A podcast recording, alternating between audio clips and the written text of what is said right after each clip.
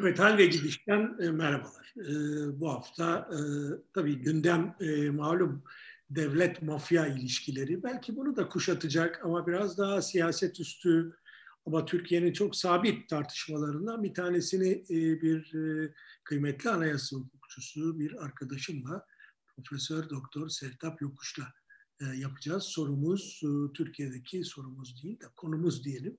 Türkiye'deki anayasa tartışmaları. Şimdi tabii bunun birçok boyutu var. Ee, hiç şüphe yok. Anayasa tartışmaları dediğimiz zaman bir kere önce sıcak. Ee, AK Parti'nin, e, Milliyetçi Hareket Partisi'nin daha somut olarak yeni bir anayasa iddiasıyla e, ortaya çıktıkları bir e, gündem vardı bundan kısa bir süre önce. Bu gündem hatta biz e, Sertap Hoca'yla konuştuğumuz zaman bu gündem esastı. Milliyetçi Hareket Partisi bir ön metin e, yayınlamıştı. Temel prensipleri bu konuda. Dolayısıyla böyle bir boyut var. E, Türkiye'deki anayasa tartışmalarının sıcak politik gündemle ilgili bir yanı var. Bunları tabii değerlendirmek gerekir ama bu, bu tek başına e, yeterli değil. Aynı zamanda e, karşımızda bir e, mevcut anayasanın aldığı son biçimle ilgili bir tablo yani bu, hepimiz daha önce çeşitli biçimlerde tartıştık. Sevtap Hoca ile bunu tartışacağız. Mevcut anayasayı bir e, yani birazcık karma, biraz piç tırnak içinde biraz oradan biraz buradan ama özü e, temel olarak Kuvvetler Birliği e, fikrine diyelim belki düzenlemelerine değil ama dayanan böyle bir tek adam anayasası şeklinde bir anayasa haline dönüştü. Bir bir boyut var. E, üçüncü boyutta tabii Türkiye'de bu anayasa tartışmaları hiç bitmez. E, neden? Nedir bu, bu anayasa tartışmaları? Hakikaten bu daha olgun, daha oturmuş demokratik ülkelerde e, bu çok karşılaştığımız bir durum değildir. Oysa Türkiye'de e, tabii darbelerle anayasaların geldiği bir ülke burası. Bu tartışmalarımız hiç bitmez. Hatta 82 anayasası hala e, gündemde olan anayasa. Bu anayasalar niye böyle? Belirleyici, ne oluyor ve içlerine değişiklikler neler neler yaşandı. Evet konularımız bunlar. Ben daha çok tabii Sevtap Hoca'ya soracağım. O, o cevaplayacak bize, anlatacak düşüncelerini. Arada bir devreye girersem e, yani fikir beyan etmek için e, kusura bakma Sevtap. E, şimdi ilk sorumu, ilk sorumuzu e, nereden başlayalım sen tercih et. E, sıcak gündemden de başlayabiliriz en genelden başlayıp sıcak gündeme de gelebiliriz. Evet, ne dersin? Ee, belki senin de e, öncelikle teşekkür ediyorum pro, programa davet için. E, kolaylıklar diliyorum bu programla ilgili. E, öncelikle e, belki neden bugün bu konuyu tartışıyoruz, neden bu kadar sıcak e, kısmıyla başlayalım. E, ama orayı orayı yine de sona bırakalım e, evet. derim ben. E, anayasa neden bugün e, bu kadar e, sıcak bir konu? E, çünkü e, bunu aslında Kemal Gözler kullandı bu sözcüğü e, ve önemli bir şey açtı bizim için de biz e, diğer anayasacılar için de. Ee, özellikle 2017 sonrası süreci, Türkiye'deki 2017 anayasal e, süreci e, anayasasızlaştırma e, diye tanımladı. Yani anayasadan arınma olarak tanımladı. Güzel bir tabir, evet. Evet, e, biz böyle bir sürece girdik. Şimdi böyle bir sürece girince e, aslında anayasa e, önceki dönemlerden ki hemen oraya gireyim. Hemen bu anayasızlaş, anayasızlaştırma dediğimiz zaman neyi kastediyorsunuz? O anayasa hukukçuları bir onu da izleyicilerimiz için iki kelime aç oradan devam et. Tamam. Ee, anayasasızlaştırma aslında anayasanın uygulanamaz hale gelmesi özetle. Ee, öyle bir düzen kurarsınız ki, öyle bir sistem oluşturursunuz ki aslında anayasa artık işlevsizdir. Hı hı. Ee, böyle e, açıklayayım basitçe. Ee, buraya o, o, buraya tekrar döneceğiz. Sona doğru buraya dönelim istiyorum. Çünkü asıl konumuz bu. Hı hı. Ee, evet 1982 Anayasası aslında yürürlüğe girdiğinden beri çok tartışılıyor. Ee, ne kadar demokratik, ne kadar özgürlükçü vesaire. Ama E, ilk defa e, 2017 e, sonrası dönemde e, bu denli bir e, e, anayasasız e, süreçte karşı karşıya kaldık. Dolayısıyla e, neden bugün çok sıcak anayasa konusu? Çünkü bugün aslında öncekinden çok daha fazla ihtiyaç var anayasaya. Hem de çok daha fazla ihtiyaç var. Ama gerçek anlamda uygulanabilir olması bakımından çok ihtiyaç var. Şu anda bir anayasa var ama uygulanacak bir anayasaya, gerçek anlamıyla uygulanabilecek anayasaya bugün çok daha fazla ihtiyaç var. Şimdi e, bu kısmı hani bugünkü durumu böyle e, bir iki cümleyle özetledikten sonra e, biraz e, geriye gidelim. Hatta belki anayasanın tanımından başlayalım. Biz lisans döneminde öğrencilere hep şey deriz. Keşke anayasa hukuku dersi hani bir vatandaşlık e, dersi e, olarak hani e, ortaokuldan itibaren okutulan bir ders olsa. Çünkü e, e, çok aslında uzak bir noktada değil, yaşamın içinde anayasasız olduğunuzda hissediyorsunuz zaten. O kadar farklı bir atmosfer e, anayasalı ortam, anayasal devlet olmak başka bir atmosfer. E, o nedenle anayasanın tanımı e, çok önemli. E, anayasa e, tarihsel olarak aslında demokratik özgürlükçü düzenin özetidir. Hani toplum sözleşmesi fikrine kadar giderseniz e, anayasanın e, anayasa hareketlerinin ortaya çıkışı vesaire toplum sözleşmesi fikrinden başlayarak aslında e, demokratik özgürlükçü düzen hedefidir. Anayasanın asli hedefi budur. Hatta deriz ki biz e, eğer özgürlükler yoksa anayasaya rağmen e, o zaman evet anayasalı bir devletsiniz ama anayasal devlet değilsiniz. Güzel, özgürlükler evet. olmadığında e, ve özgürlükler gerçek anlamıyla korunmadığında e, anayasa üzerinden bu mümkün olmadığında bir e, anayasal devlet değil, anayasası olan devletten söz edilebilir. Bu, bu, bu önemli. E, peki bizdeki durum neydi? E, bizde her zaman anayasa ile ilgili sorunlar vardı. Çünkü e, bunu sen daha iyi bilirsin. E, darbe anayasaları e, 61'de e, dahil 82 ile birlikte tepki anayasalarıdır ve Önceki döneme tepki oldukları için aslında bir tür toplumu dizayn etme amaçlı, boşluk bırakmamacasına her şeyi düzenler ve e, gerçekten önemli kırmızı çizgiler oluşturur. 82 e, Anayasası'nın da e, kendine ait bir rengi var, kırmızı çizgileri var, bir ideolojiyi barındırır. İşte bu nedenle 1982 Anayasası hep eleştirdiğimiz bir anayasa oldu e, ötekileştiren bir anayasa, e, etnik vurguları e, öne çıkan bir anayasa, etnisiteye dayalı, dayalı bir anayasa, e, laiklik e, bağlamında e, hem katı bir laiklik geliştirmekte ama aynı zamanda laikliğe aykırı hükümler içermekte, işte Diyanet İşleri Başkanlığı'ndan tutun e, zorunlu din derslerine kadar bunların anayasada yer alıyor olması e, sıkıntı. Dil yasaklarının anayasada yer alması e, sıkıntı. E, bütün bunlar aslında 82 Anayasası'na yönelik en temel eleştirilerdi. Ama buna rağmen 82 Anayasası e, çok dönüştü. E, bir takım değişikliklerle. Elbette bu değişikliklerin temelinde e, Türkiye'nin Avrupa Birliği'ne uyum e, dönemi e, çok önemli rol oynadı. 2001 anayasa değişiklikleri son derece önemliydi özgürlüklerin genişletilmesi bakımından.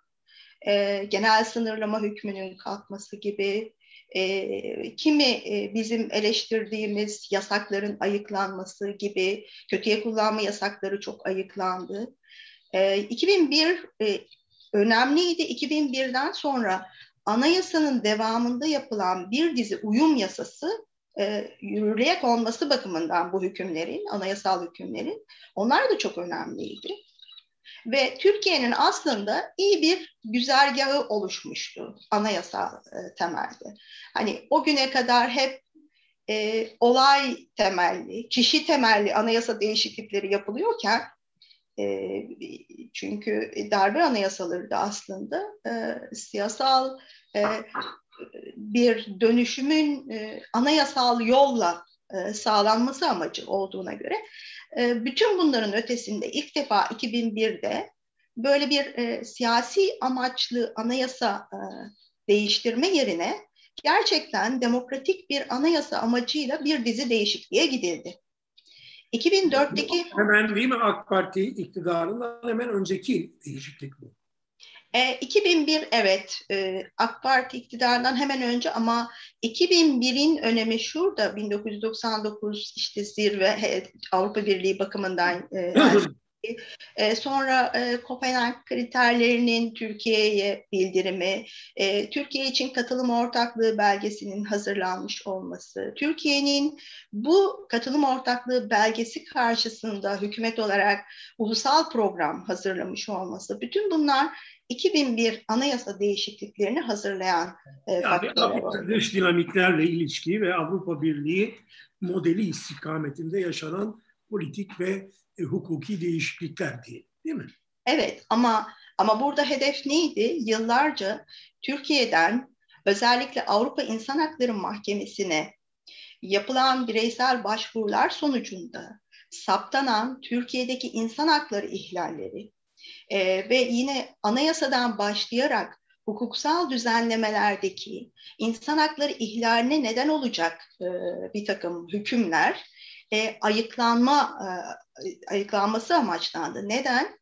E, çünkü Avrupa Birliği'nin e, belirlediği başka bir kriter vardı. Avrupa İnsan Hakları Sözleşmesi ile uyum. Ya bu zaten Avrupa Birliği üye ülkeleri bakımından asgari e, standardı oluşturuyor insan hakları, özgürlükler e, temelinde. İşte Türkiye'de bu bağlamda aslında Avrupa Birliği'ne uyum süreci dense de Avrupa İnsan Hakları Sözleşmesi ile uyumu hedefleyen bir dizi değişiklik yaptı anayasada. Bunlar da önemli değişikliklerdi.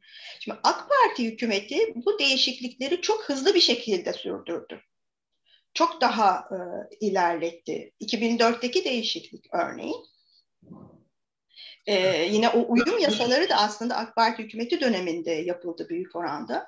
Ee, onlar da e, 2004'teki e, değişiklikte de doğrudan sözleşmenin Türkiye'de uygulanması e, mümkün oldu. Yani diyor ki anayasa sizin kanunlarınızın uygulanması ile sözleşmenin uygulanmasından doğan bir çatışma varsa sözleşmeye öncelik tanıyacaksınız. Bu çok önemliydi. Yani bu şu demek, sözleşmeyi biz aslında iç hukukumuza dahil ettik. Ve aslında normlar hiyerarşisinde de diğer bazı e, değişikliklerle birlikte yani anayasamızı da sözleşmeye göre değiştirdiğimize göre iç hukukun üzerinde bir yere taşıdık. Bu, bu çok önemliydi.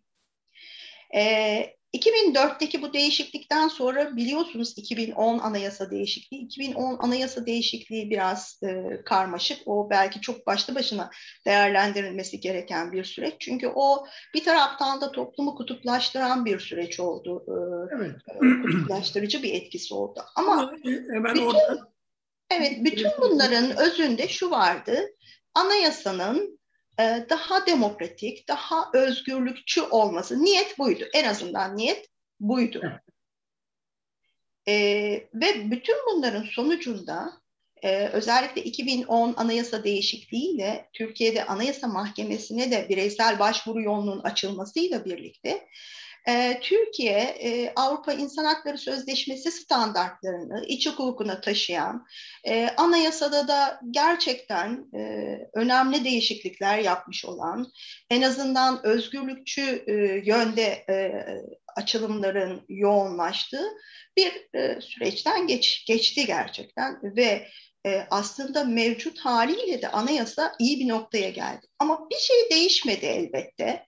Geçenlerde e, Erdoğan'ın da açıkladığı bir şey oldu bu. E, izledim. E, ama dedi anayasanın ruhu değişmedi. Felsefesi değişmedi. Bu doğru.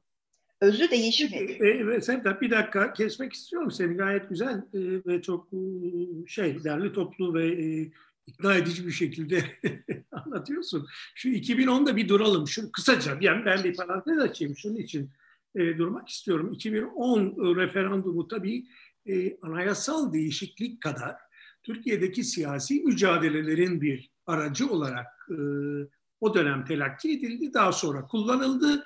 Bugün hala tartışılmaya devam ediyor. Doğru muydu, yanlış mıydı diye. Şimdi bu açıdan baktığımız zaman şunu söylemekte belki fayda var. Türkiye'deki siyasi çatışmalar, Türkiye'deki siyasi zihniyet, siyasi kültürün e, ortaya çıkarmış olduğu doku e, en iyi yasayı bile e, ters yüz edebilir.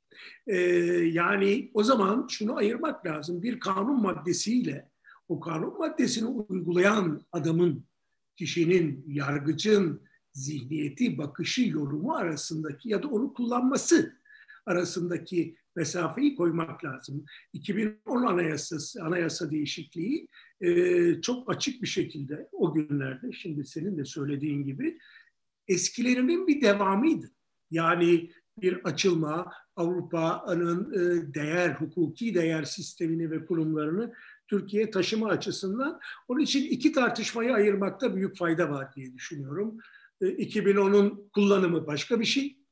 2010'un metnine baktığımız zaman e, o başka bir şey. Yani bir özgürlüğü biri kötüye kullanacak diye e, orada e, durmak çok anlamlı değil. Nitekim senin söylediğin e, Anayasa Mahkemesi'nin bireysel başvuru mekanizmasını e, temsil etmesi, daha doğrusu hayata geçirmesi e, tam da senin söylediğin gibi Avrupa'ya doğru insan hakları e, meselesi açısından bir hamleydi. Evet, ben burada küçük... E, ben şimdi söylediklerini e, altını çizme, teyit amaçlı bir şeyler söyleyeyim o halde. Şimdi 2010 anayasa değişik hani oraya girip o, o oraya boğmak istemediğimden 2010 anayasa evet. değişiklikleri kapsamında işte o günkü HSYK şimdiki HSYK e, orayı belirlerken e, yargıçların kendi içinden e, seçimi yöntemi öne çıktı biliyorsun. Şimdi bu aslında demokratik bir yöntem ama nasıl kullanıldı? E, sonuçta ortaya çıktı. Problem budur. Yani bizim gerçekliğimizle e, demokratik yöntemler bazen uyuşmayabiliyor. Hatta demokratik yöntemler e, çok güzel e, söyledin. Kötüye kullanmaya e, çok müsait hale de gelebiliyor. Nitekim öyle oldu. Bir diğer e, boyutta mesela e, Anayasa Mahkemesi'ne bireysel başvuru yolu e, çok çok ileri bir yol, e, doğru da bir şey. E, Almanya'nın e, çok çok geçmişten başlattığı ve etkili bir şekilde uyguladığı bir yöntem anayasa şikayeti olarak. Ama Türkiye'de biz bu yolu kullanmaya başlarken ya da bu yol e, anayasal düzeyde e, Anayasa Mahkemesi'ne bu yetki tanınırken gerekçeye bile yansıdı. Dedik ki Avrupa İnsan Hakları Mahkemesi'ne gidişi engelleyelim. Amaç bu. Yani bizim için, bizim özgürlüklerimiz için değil, e, ama ama e, Avrupa İnsan Hakları Mahkemesi'ne gidişi engellemek. Aslında bunu uyum yasaları döneminde de e, gördük. 2001'den itibaren bir dizi uyum yasasında da gördük. E, o dönemler ben tam da bu, bu konuyu çalışıyordum, o uyum yasalarını. E, deyim yerindeyse saçımı başımı yolacaktım. Çünkü bir pakette koyuyor, diğerinde çıkarıyor, öbüründe yasaklıyor, sonra o yasağı kaldırıyor. Hani deyim yerindeyse biz bu yaptıklarımızı da hep mış gibi yaptık. Nitekim bugün o mış gibi yapmıştık, yapmış olduğumuz e, e, değişikliklerin etkisizliğiyle görüyoruz zaten. E, o mış gibi yapmanın e, ne kadar e, yoğun olduğunu. E, o dönem ilerleme raporları geldi ardından, o uyum yasalarının ardından ilerleme raporları geldi ve maalesef Avrupalılar önümüze aslında hiç de bir şey yapmamışsınız diye koydular yani. E, çünkü onlar e, daha iyi çalışıyorlar derslerini, bizden daha iyiler. Biz akademisyen olarak işin içinden çıkamamıştık. Onlar tek tek kaptamışlardı aslında birçoğunun göstermelik olduğunu. Ama buna rağmen e, Ali Hoca, buna rağmen ben diyorum ki 2001'den sonra en azından çizgimiz doğruydu. Yani daha özgürlükçü, daha demokratik bir anayasa arayışımız vardı. Nitekim 2010'dan sonra yeni anayasa arayışları e, çok daha güncel hale geldi. O çalışmalar daha da arttı. E, herkes bir yandan e, sivil toplum örgütleri, e, hükümet kendisi 2007'de bir anayasa çalışması yaptırdı e, bir, bir, bir bilim kuruluna. Bizler çeşitli kurullarda ama hep e, sıfırdan e, demokratik bir anayasa nasıl olur tartışmasını yapıyorduk. Ve hatta çok somut öneriler vardı mesela. Bizim önerdiğimiz bir şey vardı. Anayasayı hazırlayacak organ e, barajsız bir seçimle yine partiler aday göstersin. Belirlenecek bir anayasa konseyi, anayasa komisyonu her neyse böyle bir e, organdan çıksın ve ondan sonra halk oyuna sunulsun. Artı e, iki dönem siyaset yasağı getirilsin bu e, konseyin ya da her neyse e, komisyonun üyelerine. Böylece siyasetten muaf bir şekilde siyasetin gölgesinde kalmadan yepyeni bir anayasa yapılsın. E, biz güneşi yeniden keşfetmiyoruz. Demokratik anayasanın, demokratik, özgürlükçü, eşitlikçi anayasanın ilkeleri bellidir. O ilkeler etrafında e, iyi bir anayasa yapılabilir. Ama ne oldu? İşte 2011'de başlayan meclisteki süreç, e, uzlaşma komisyonu, uzlaşamayacağı başından belli olan bir komisyondu. Bunu biz o dönem e, Cemil Çiçek Başkanlığında mecliste yaptığımız toplantıda da dile getirdik. E, biliyorsunuz o dönem onlar bu anayasa hukuku e, profesörleriyle bir toplantı planlamışlardı. Ben de gittim. E, açıkça söyledik. Buradan bir şey çıkmayacak. O gün de söyledik ama onlar inatla e, meclis bu anayasayı yapabilecek e, niteliktedir. Çünkü e, dört parti var. E, her e, taraftan e, temsil temsiliyet kabiliyeti yüksek bir meclistir. O halde yapsın dediler ama e, siyasetin gölgesinde kalacağı belliydi. Çünkü orada oturan milletvekilleri partide olarak oturuyorlardı evet, ve birinin ak dediğine diğeri kara diyecek. diyelim istersen. Efendim? Siyasetin gölgesinden çok partizanlığın gölgesinde. Evet. O anlamda söylüyorsun. Çünkü evet, evet. Yani tabii ki, tabii ki. Siyaset, yani ne bileyim MHP'nin ak dediğine HDP'nin kara demesi gibi. Evet, evet. Yani böyle bir tartışma öne çıktı ve nitekim yapılamadı. Ee, ama o günlerden başlayarak bir taraftan da Türkiye'de malum başkanlık sistemi tartışmaları. Şimdi bu başkanlık sistemi tartışmaları yapıldığında bizler de kimi televizyon programlarında, kimi toplantılarda dile getirdik. Bu sistem Türkiye'ye uygun bir sistem değil. Aslında hep şunu söyledik. Başkanlık sistemi de, parlamenter sistemde, yarı başkanlık sistemi de uygulandığı alana göre her biri kendi başına sistem olarak demokratik sistemlerdir. Ama nerede uygulandığı önemlidir. Şimdi başkanlık sistemi yargının çok güçlü olmadığı, yargının e, çok liyakatlı olmadığı e, ülkelerde gerçekten demokratik uygulanması mümkün olmayan bir sistemdir. Çünkü yargı çok önemli. Başkanlık sisteminde yargı çok belirleyicidir. Bir diğeri başkanlık sisteminde yatay erkler bakımından, yasama ve yürütme bakımından sert ayrılık gerçekleştiği için ve denge denetimde bir takım sorunlar yaşanabileceği için dikey bir denge gereklidir. Dikey denge de şudur. Şimdi Amerika Birleşik Devletleri federal bir devlettir. E, başkanlık sistemi ama federal devletler zaten kendi kendilerini yönetiyorlar buna muktedirler. Türkiye'de merkeziyetçi yapı çok güçlü. Bu kadar merkeziyetçi bir yapıda başkanlık sistemi, yargının zaten daha dün 2010 işte biraz önce konuştuk 2010 anayasa değişikliklerinden sonra ortaya çıkan yargı manzarası karşısında böyle bir sistem Türkiye'de demokratik işleyemez diye çok dile getirdik. Tabii. Bir diğer problem şuydu, bu merkeziyetçi yapı, Türkiye'deki bu merkeziyetçi yapı e, yasamayı dengeleyecek, yasamayla dengelenecek bir yürütme imkanı vermeyecektir.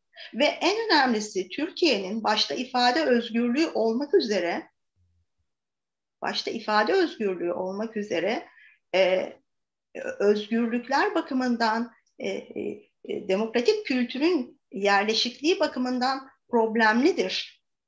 Biz hala e, ifade özgürlüğü başta olmak üzere özgürlükleri e, hani liberal demokratik ülkelerde olduğu kadar içselleştirir, içselleştirilmiş bir toplum değiliz maalesef.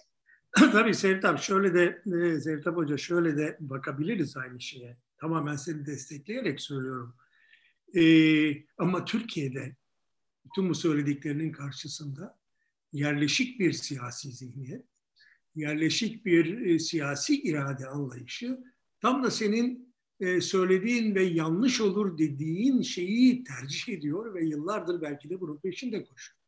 Dolayısıyla Türkiye gerçeklerine uygun değil evet yüzde yüz katılıyorum ama kimilerin arzularına, isteklerine ve kendi e, alanlarında ürettikleri gerçeklere uygun. Müsaade edersen ben de e, ilmi siyaset açısından, bu başkanlık sistemi açısından e, birkaç laf söylemek isterim. Şimdi dünyanın neresine bakarsanız bakın, bu Amerika Birleşik Devletleri'nde yani senin söylediğin kurumsallaşmanın en derin olduğu, yargının en güçlü olduğu tarihsel geleneğe sahip ülkede bile karşımıza çıkmaya başladı. Ee, başkanlık sistemleri temel olarak kurumlar karşısında kişileri öne çıkarır. Siyasi karar mekanizmasını kişiselleştiren bir özelliğe sahip. Tabii Türkiye dediğin gibi öyle bir ülke ki bir kişiye bunu verdiğin zaman işte e, sonuçları ortada. Ama bu, zannetmesin ki izleyicilerimiz Amerika'da farklı oluyor e, ya da Fransa'da farklı oluyor. Başkanlık sistemleri o ülkelerin demokratik kurumsallaşma gücüne e, kıyasla az ya da çok. Ama önünde sonunda mutlaka bir sorun çıkarıyorlar. Şimdi demokratik parlamenter sistem ikimizin ortak alanı diyelim e, Sevdap. Yani parlamenter sistemde bu tür bir demokrasi algısında ta Fransız devriminden beri orada bir arz yoktur. Yani seçilecek kişinin arz ettiği bir şey yoktur. Seçilecek kişi bir şeyi temsil ederek Dolayısıyla talep belirleyiciyken başkanlık sisteminde şunu diyoruz. Arkadaş ben buyum.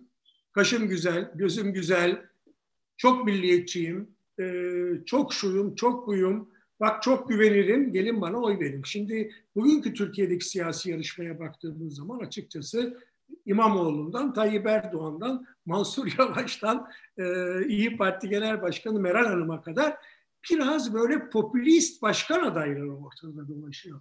Dolayısıyla demokrasinin özü zaten katılım, demokrasinin özü zaten talep üstünden temsil ve başkanlık sistemleri bugün dünyadaki popülist yayılmanın taşıyıcıları. E, bunu ben e, sen açınca bu lafı arada e, bunu söylemek istedim. Tabii senin söylediğinin başka bir ifadesi bu. Hemen hemen aynı şey. Ama bu popülizmi tartışıyoruz, beğenmiyoruz ya. Temel olarak budur.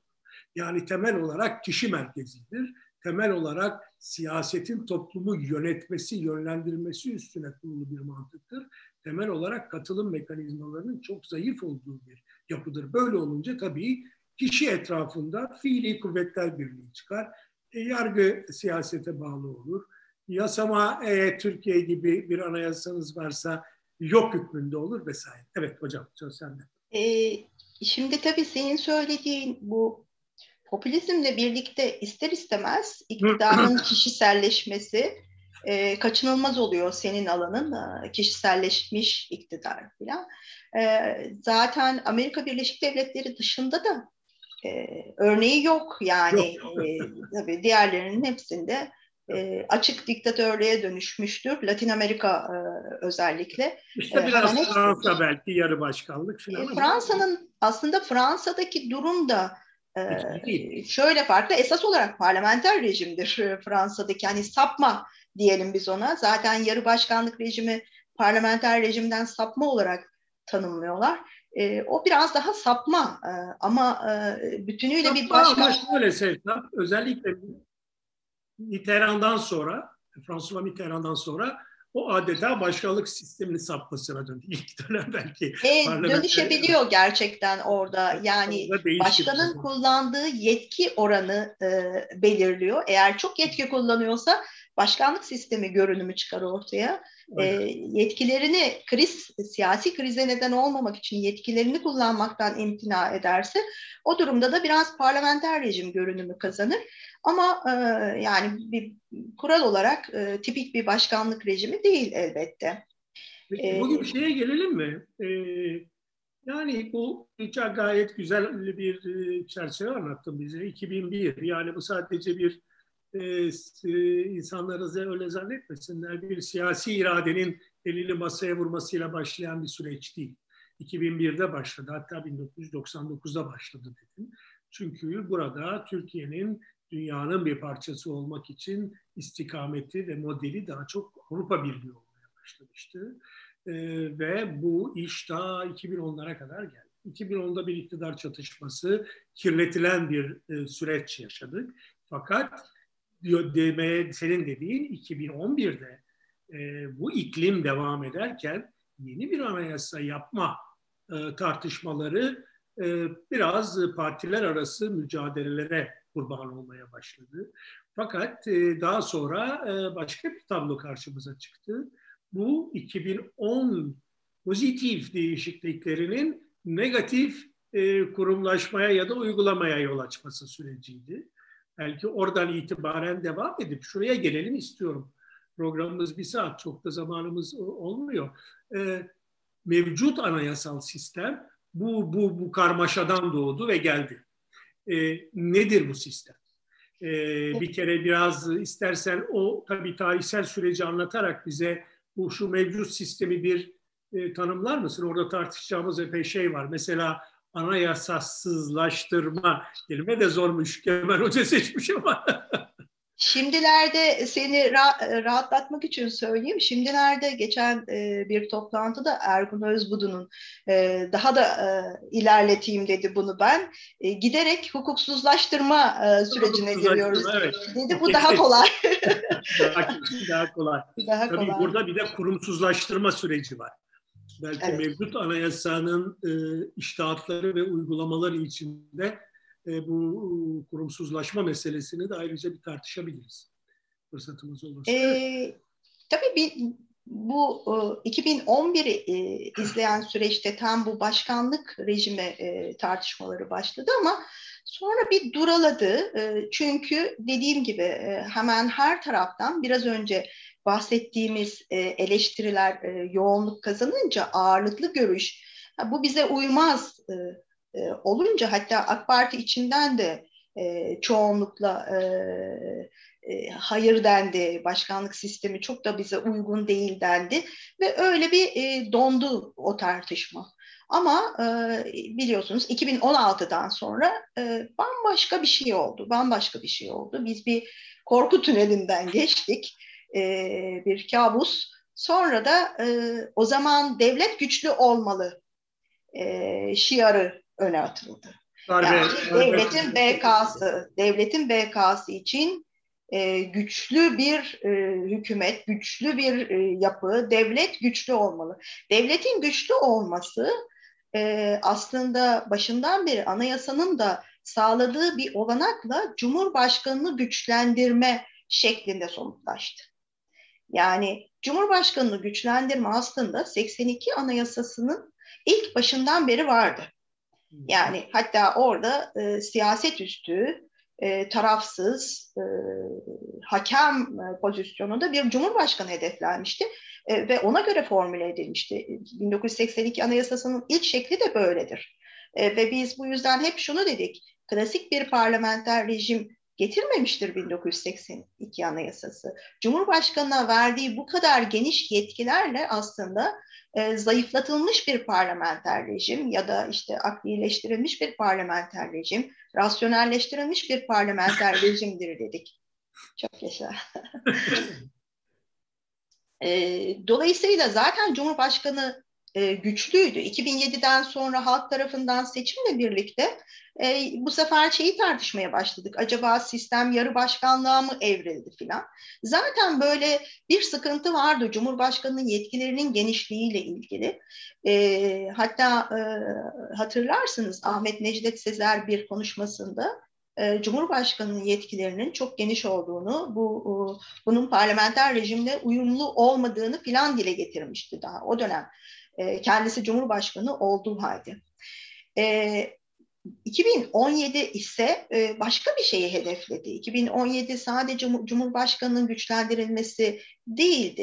2017 aslında gücü e, tek elde toplama e, projesiydi. Yani o anayasa değişiklikleri aslında gücü bir bir bir yerde toplamak, böylece çok daha güçlü bir devlet ortaya çıkarmak. E, zaten bu e, aleni bir şeydi, saklanan bir şey değildi. İşte devletin bekası için e, yürütmenin güçlendirilmesi gerekir. Kimde toplanır o halde bu güç? Cumhurbaşkanı'nda. Yani Cumhurbaşkanlığı hükümet sistemi adı da oradan geliyor. Cumhurbaşkanlığında toplanması. Şimdi başkanlık sistemiyle hemen şunu yaptık biz o dönemde. İyi de bu 2017 değişiklikleriyle getirilen denge denetim e, ya da işte e, hükümet sistemi bağlamında yasama yürütme ayrılığı e, başkanlık sistemine de benzemiyor. Yarı başkanlık da değil, parlamenter rejimde değil, hiçbiri değil. Değil. Şimdi oraya girmeden önce şunu söyleyeyim. Senin söylediklerinden e, bunu söylemenin gereği yani çok karışık bir şey söylemiyorum, bilinmedik bir şey de söylemeyeceğim ama e, aslında iki mekanizmanın biz devreye girdiğini anlıyoruz. Çünkü diyoruz ki 2017 değişiklikleri ne zaman oldu 2017 değişiklikleri? Darbe girişimi sonrası. 2017 evet. darbe girişimi ve onun ikliminde. Diyorsun ki devlet bekası ve güçlü devlet fikrine bir geri dönüş. Bunun nedenleri nedir diye baktığımız zaman siyaseten tabii bir tanesi vesile olarak kullanılan hatta itici güç de olan devlet krizi yaratarak darbe girişimi. Buna hiç şüphe yok. Ama diğer taraftan baktığımız zaman 2013 gezi olaylarından itibaren e, siyasi iktidar cenahında yani bunları işletme gücü olan o, o cenahta bir tür e, endişe, korku, e, darbe olacak, yıkılacağım. Dolayısıyla sistemi mutlaka ve her koşulda kontrol etmeliyim endişesinin de ön plana çıkmaya başladığını görüyoruz. Yani bu aslında Türkiye'nin mevcut iktidarının bu dünyadaki, bölgedeki ve Türkiye'deki değişim dalgalarını e, göğüsleyememesi sonucu ortaya çıkan bir e, yönde taşıdı. Değil mi? Yani Tayyip Erdoğan'ın korkuları, Tayyip Erdoğan'ın her tarafı denetlemek istemesi belki zihninin arkasındaki model buydu. O başka bir tartışma ama hep bu soruyu soruyoruz çünkü. Yani nasıl oldu kardeşim? Biz 2011-12'de e, halkın yaptığı bir e, demokratik anayasadan bahsederken 2017'de bir ucube bir felaketle karşılaştık. E işte o ucube felaketin bu iki noktası tabii anayasal değil. bu tamamen siyasal e, ve toplumun siyasal sosyolojisiyle, dokusuyla çok ilgili. Ama geçişlerin bu kadar hızlı ve radikal olması tabii e, çok çarpıcı. Yani bir iklimden diğer iklime geçiş ve sonuçta ortaya senin dediğin gibi bir ucube çıktı. Bu ucubenin içinde e, siyasi aktörün yani Tayyip Erdoğan'ın istekleri de var. E, bu ucubenin içerisinde güçlü devlet modelinin e, kimi anayasacılar ya da kimi hukukçular diyelim tarafından işleme konması da var. E, dolayısıyla çok parçalı bir iradeden kaynaklanan bir felaket var karşımızda. Bu felaketten bahsedelim biraz. Evet. Evet işte zaten bu 2017 e, süreci e, tam da en başta söylediğim e, süreci başlattı. Anayasasızlaştırma. Çünkü 2017'den sonra anayasa adına ilerleyen süreçte anayasadan arındırmaydı. Neden? Çünkü bakın bir anayasa değişikliği yapıyorsunuz, kapsamlı bir anayasa değişikliği. Yani e, anayasayı tanımlarsanız bir tarafa devlet, devletin organları, devletin organlarının işleyişini, bu organların birbirleriyle olan işte ilişkilerini koyarsınız. Diğer tarafa da hak ve özgürlükler kısmını koyarsınız. Yani iki ana ayağı vardır. Ve siz anayasanın bir koca ayağını dönüştürürken bu dönüştürmeyi tam da olağanüstü rejimi uyguladığınız süreçte yapıyorsunuz. Biz anayasayı tartışamadık. Yani daha buradan başlayarak aslında anayasadan kopuş başlamıştır daha daha hazırlık sürecinde. 2017'nin hazırlık süreci bizi anayasadan koparmıştır. Çünkü biz olağanüstü bir dönemde anayasayı hiçbir şekilde tartışamadan anayasayı değiştirdik. Kesinlikle. Ve tartışmadan değiştiriyorsunuz. Ne kadar Anayasa demek... Hocam şeye e, Milli Güvenlik Konseyi'nin zamanında çıkardığı kanunların anayasaya dönüşmesiyle olağanüstü dönemin kararnamelerinin daha sonra anayasanın üstünde şemsiye olması hikayesi tam da bu. Evet, yani biz olağanüstü süreçte e, anayasanın gövdesini değiştirdik. Ve anayasa demokratik anayasacılık en başta tanımlarken dedim ki toplum sözleşmesidir. Bireylerle iktidar arasındaki sözleşmedir anayasa özünde. Ve bu anayasa değişikliği yapılırken sözleşmenin bir tarafı yok. Tek taraflı bir sözleşme oldu. E, ya da sözleşme değil. Yani dayatılan e, bir değişiklik de aslında. E, nitekim e, referandumda hani kıl payı e, bir de böyle bir şey var. Yani diyelim ki evet dendi ama diğer yüzde elliyi siz aslında bir anayasa oylaması e, yoluyla e, bir tür ikiye de bölmüş oldunuz. Toplumun kendisi. Neden de bahset o zaman çünkü bunu bunu bu çok önemli bir konu. E, referandumdan geçtiği için ve toplumun çoğunluğunun onayını aldığı için e, işte demokratiktir e, diye bir tanım var. Evet kağıt üstünde e, öyle. E, ama plebisiter demokrasi dediğimiz şey demokrasinin en sakil, en sefil biçimlerinden bir tanesidir. E, istersen onunla ilgili bir plebisit referandum neden tam demokratik değil onun bir altını çizelim. Şimdi çok dar anlamda biz demokrasiyi şöyle tanımlıyoruz malum. Ee, işte serbest seçimler yoluyla iktidarın belirlenmesi ve muhalefetin her zaman iktidara gelmesi. Ama demokrasi tanımı bugün bu değil. E, ya da Rusya'ya giderseniz çoğunluk yanılmaz der. E, yani e, 16. yüzyıla kadar giderseniz belki buna varırsınız ama biz 2021'deyiz ve bugün artık örneğin Avrupa İnsan Hakları Mahkemesi ki biz iç hukuka dahil ettik onun kararlarını e, demokrasiyi tanımlarken, demokratik toplumu tanımlarken diyor ki şeffaf, hoşgörülü, çoğulcu toplum çoğulcu olmayan bir toplum yapısına demokratik toplum demiyorlar. Tabii ama işte plebisiti de devreye sokarsak orada evet. mantık şu. E, sen bir pastayı yapıyorsun, masaya koyuyorsun. iki şık var. Ye cevap ver. İyi kötü. Şimdi e, bu çoğunlukçulukta bile baktığınız zaman sorunlu bir şey. Çünkü pastanın hazırlanmasında hiçbir katkınız yok ki. Evet, onun, hayır Onun da ötesinde bir de korkutuyorsunuz. Yani siz bu anayasaya evet demezseniz devlet elden gidiyor. gidiyor tabii. Devletin BK'sı işte plebisit dedin ya tam da burada plebisite dönüşüyor.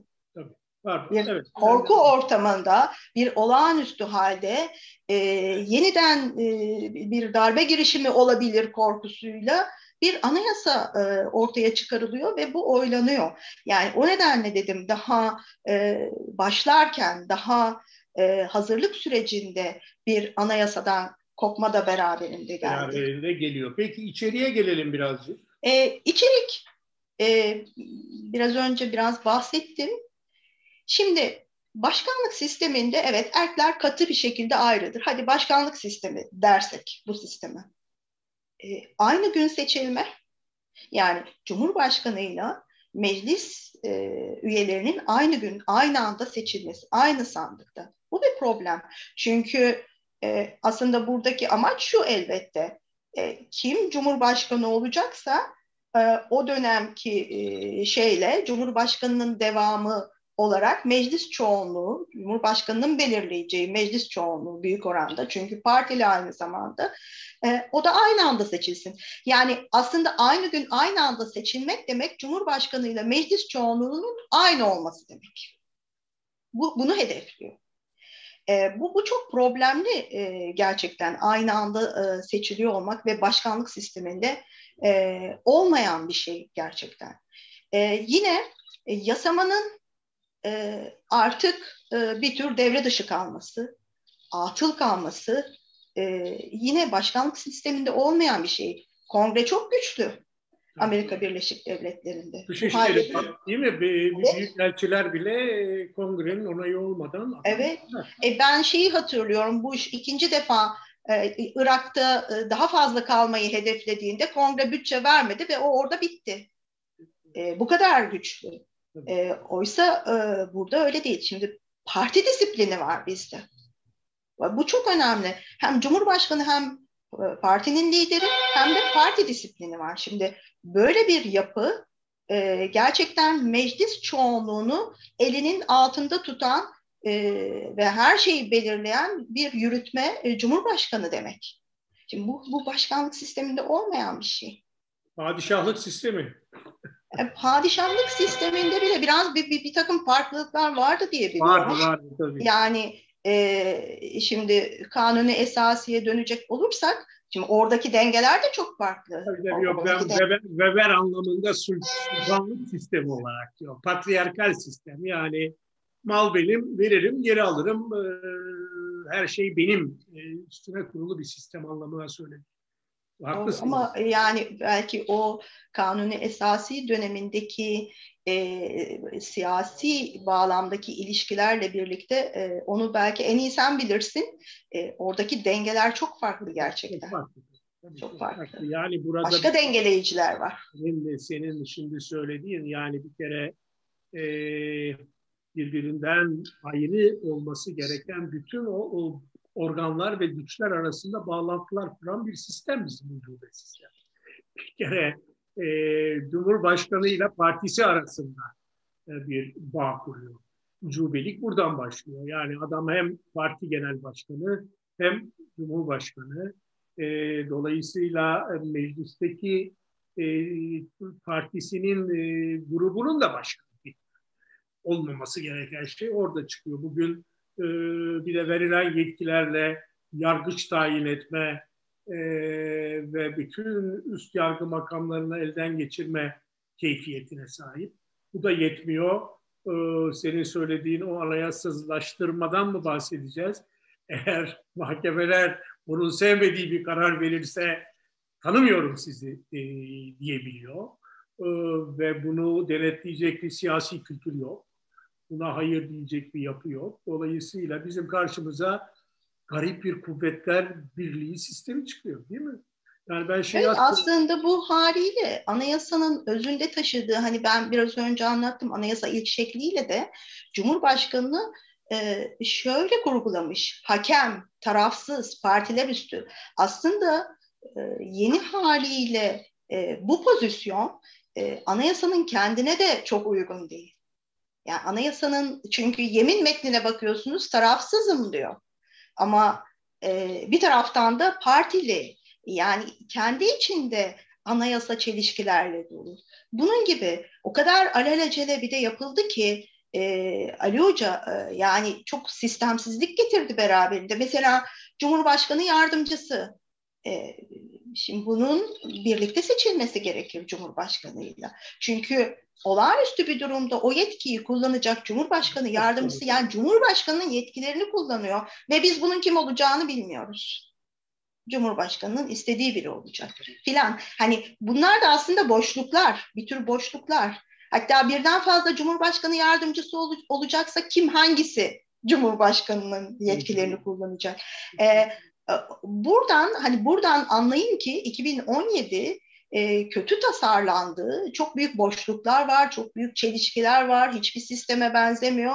Problem büyük. Ama beraberinde ne oldu? E, çok ciddi bir sorun oldu. O da şu. Şimdi Cumhurbaşkanı düzenlemeler bakımından, hukuksal düzenlemeler bakımından e, çok fazla yetki devşirince e, bir defa yasamaya ihtiyaç kalmadı. Yani kanun niye çıksın ki? Bakın her gün açın resmi gazeteyi. Liste halinde kararnameleri, kararları, yönetmelikleri görürsünüz. Şimdi Cumhurbaşkanı'nın kararname çıkarma yetkisi var. Cumhurbaşkanlığı kararnamesi. Karar yetkisi var. Cumhurbaşkanlığı kararları var. Bu da ayrı. Hani normlar hiyerarşisine bakarsanız en üstte anayasa, sonra kanun, e, ondan sonra Cumhurbaşkanlığı kararnameleri, neden ondan sonra Cumhurbaşkanlığı kararnameleri diyorum? Çünkü o kararnamelere rağmen aslında yasama her gün toplanıp o konuda kanun çıkarsa kanun esas alınmak zorunda. Ama bunun imkanı yok. Zaten takibi bile mümkün değil.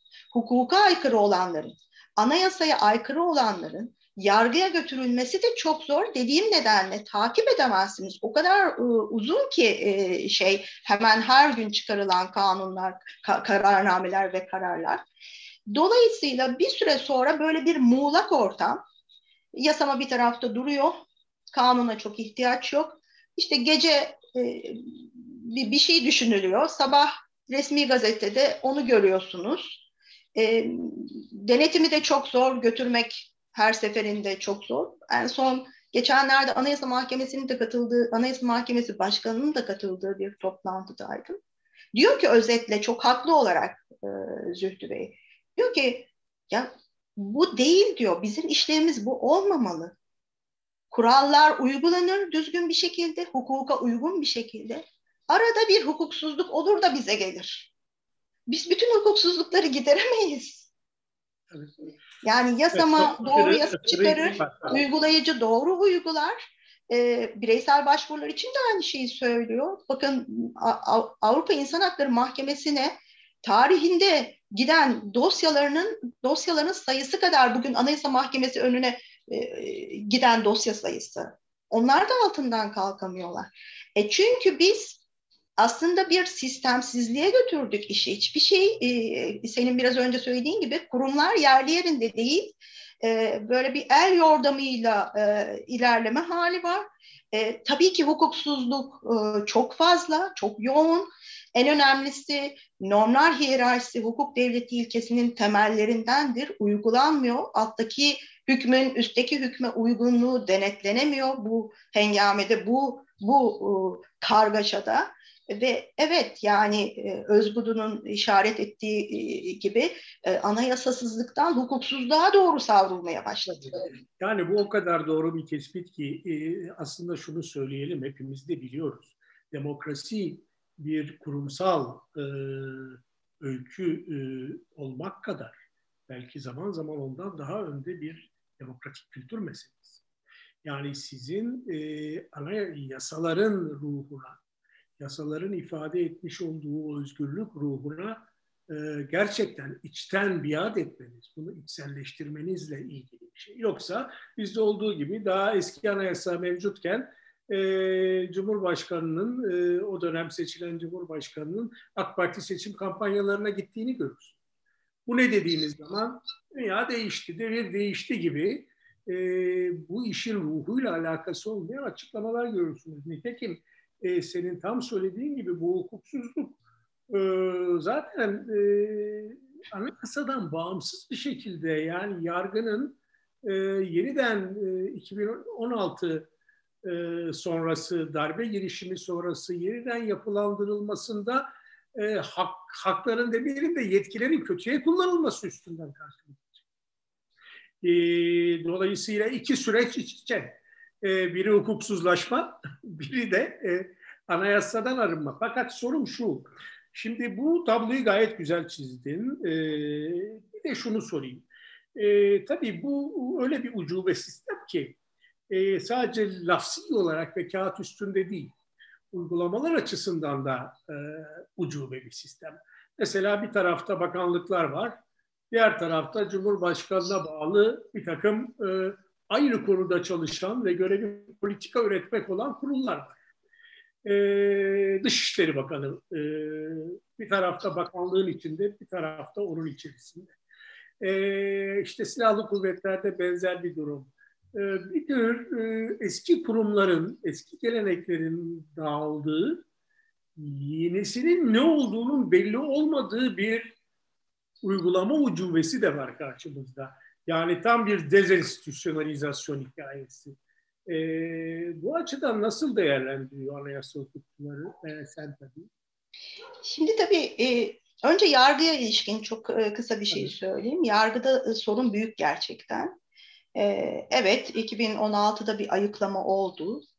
Ama sonrasında e, böyle alelacele yerleştirilen hem de kilit e, kimi mahkemelerde ki kişilerin de e, zamanla şunu gördük e, e, liyakata uygun yerleştirilmedikleri için e, eskiden hani sadece tarafsız değil filan derdik yargıç e, bakımından. Şimdi bilmiyor. Hukuku bilmeyen e, çok yargıçla karşılaşıyoruz. Bir defa onu söyleyeyim. E, geçen bir e, e yet, yeterlik e, jürisindeydim. E, bir hakim e, e, adayı şeye sınava giren ve özetle şunu söyledi hocam dedi eskiden bizim bir çocuk gelinler problemimiz vardı ülkece. Şimdi çocuk yargıçlar problemimiz var. Yani yargının durumu vahim. Onu bir hani parantez açıp söyleyeyim. Bu da büyük büyük sorun. E, ikincisi uygulamada biraz önce söylediğim e, çerçevede e, normların üstteki norma uygun olarak çıkarılmaması. Mesela genelgeyle hak ve özgürlükler alanında düzenleme yapamazsınız. Ama yapılıyor. Her gün. Çünkü anayasada hüküm var. 13. maddeyi açın.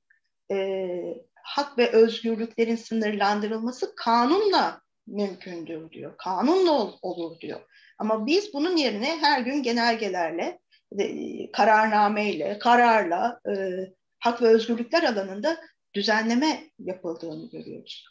E, kurumların e, yerli yerinde olmayışı, dönüşmesi ve bunun da başka bir e, kaotik hal yaratması ise bence orada da e, başka bir e, e, zihniyet probleminden doğdu.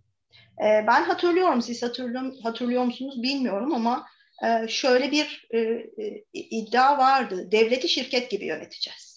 Hı hı.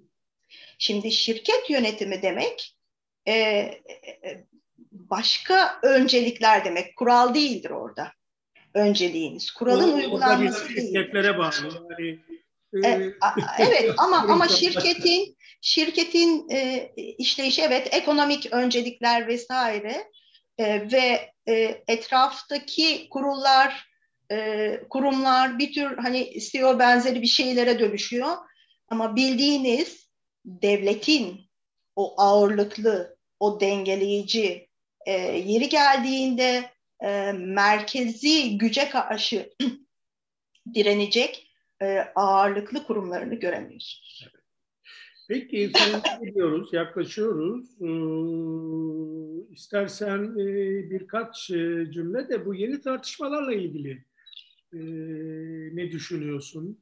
E, anayasa hukukçuları çevresinde ne tür akisler yapıyor bu? Çünkü bu ucube sistemi üreten, destekleyen hatta daha da geliştirelim diyen bir e, siyasi parti Blow, e, sivil, yeni, temiz e, bir e, demokratik bir anayasa yapmaktan söz ediyor. E, bu tabii çok büyük paradoks karşımızda e, ve bunun hukuki ve anayasal bir e, ilerleme olmaktan çok siyasal bir dizi e, manevra ile ilgili olduğuna dair yorumlar var. Ya da mevcut sistemi derinleştirmeye varacağına dair yorumlar var. Sen ne düşünüyorsun? E, ben e, eğer bu bakış açısıyla yani söylenen şu 2017 bakış bakışıyla 2017'deki bakışla e, anayasayı yenilemek e, eğer öyleyse evet yani otoriter bir düzenin derinleştirilmesi demek olur bu. Ve muhtemelen şu olacaktır, biraz önce bahsettiğim bir takım boşlukların doldurulması, çelişkilerin giderilmesi, e, hatta hatta belki e, seçim yöntemiyle ilgili kimi önlemlerle e, seçimin kolaylaştırılması, e, belki bu tür önlemler düşünülüyor. Yani daha e, mesela yüzde 51 ilk oylamada e, yüksek bir oran. E, belki belki buralarda e, değişiklikler e, ya da çoğulcu sistemin e, tamamen e, ortadan kaldırılması. Yani belki bunu e, bu sistemsiz e, hali e, aynı zihniyetle sistemli hale dönüştürmek yani senin evet, söylediğini evet, teyit ediyorum. Ee, an, an, ancak bu gele, gelebilir akla. Hani daha iyi bir ihtimal düşünemiyorum. O, o kadar iyimser olamıyorum. E, ama diğer taraftan hani e, muhalefet partileri de böyle bir e, çaba içinde yeni anayasa bakımından hatta güçlendirilmiş parlamenter rejim etrafında bir birleşme hali var. Yani ortaklıklardan biri bu olabilir diye öne çıkıyor. E, o da e, neyi içerecek? E, tabii e, gelişmeler gösterecek. Onların e, ortaya çıkardıkları raporlar, taslaklar vesaire.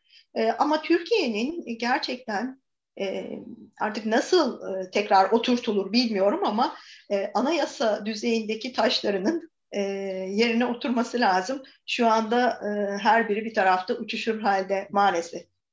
Ee, evet, bugünkü konuğumuz Profesör Doktor Sevtap Yokuştu. Bir e, önemli bir anayasa hukukçumuz ve bize bugün e, çok e, etkili, çok sistematik bir e, anayasanın, Türkiye'nin anayasa meselesini e, anlattı. Güzel bir sohbet oldu. Umarım siz de e, beğenmişsinizdir. Sevtap Hoca tekrar çok teşekkür ediyorum katıldığın için. Başka ben teşekkür ediyorum. Olmak üzere. Ben teşekkür ediyorum. Kolaylıklar diliyorum. Hoşçakalın.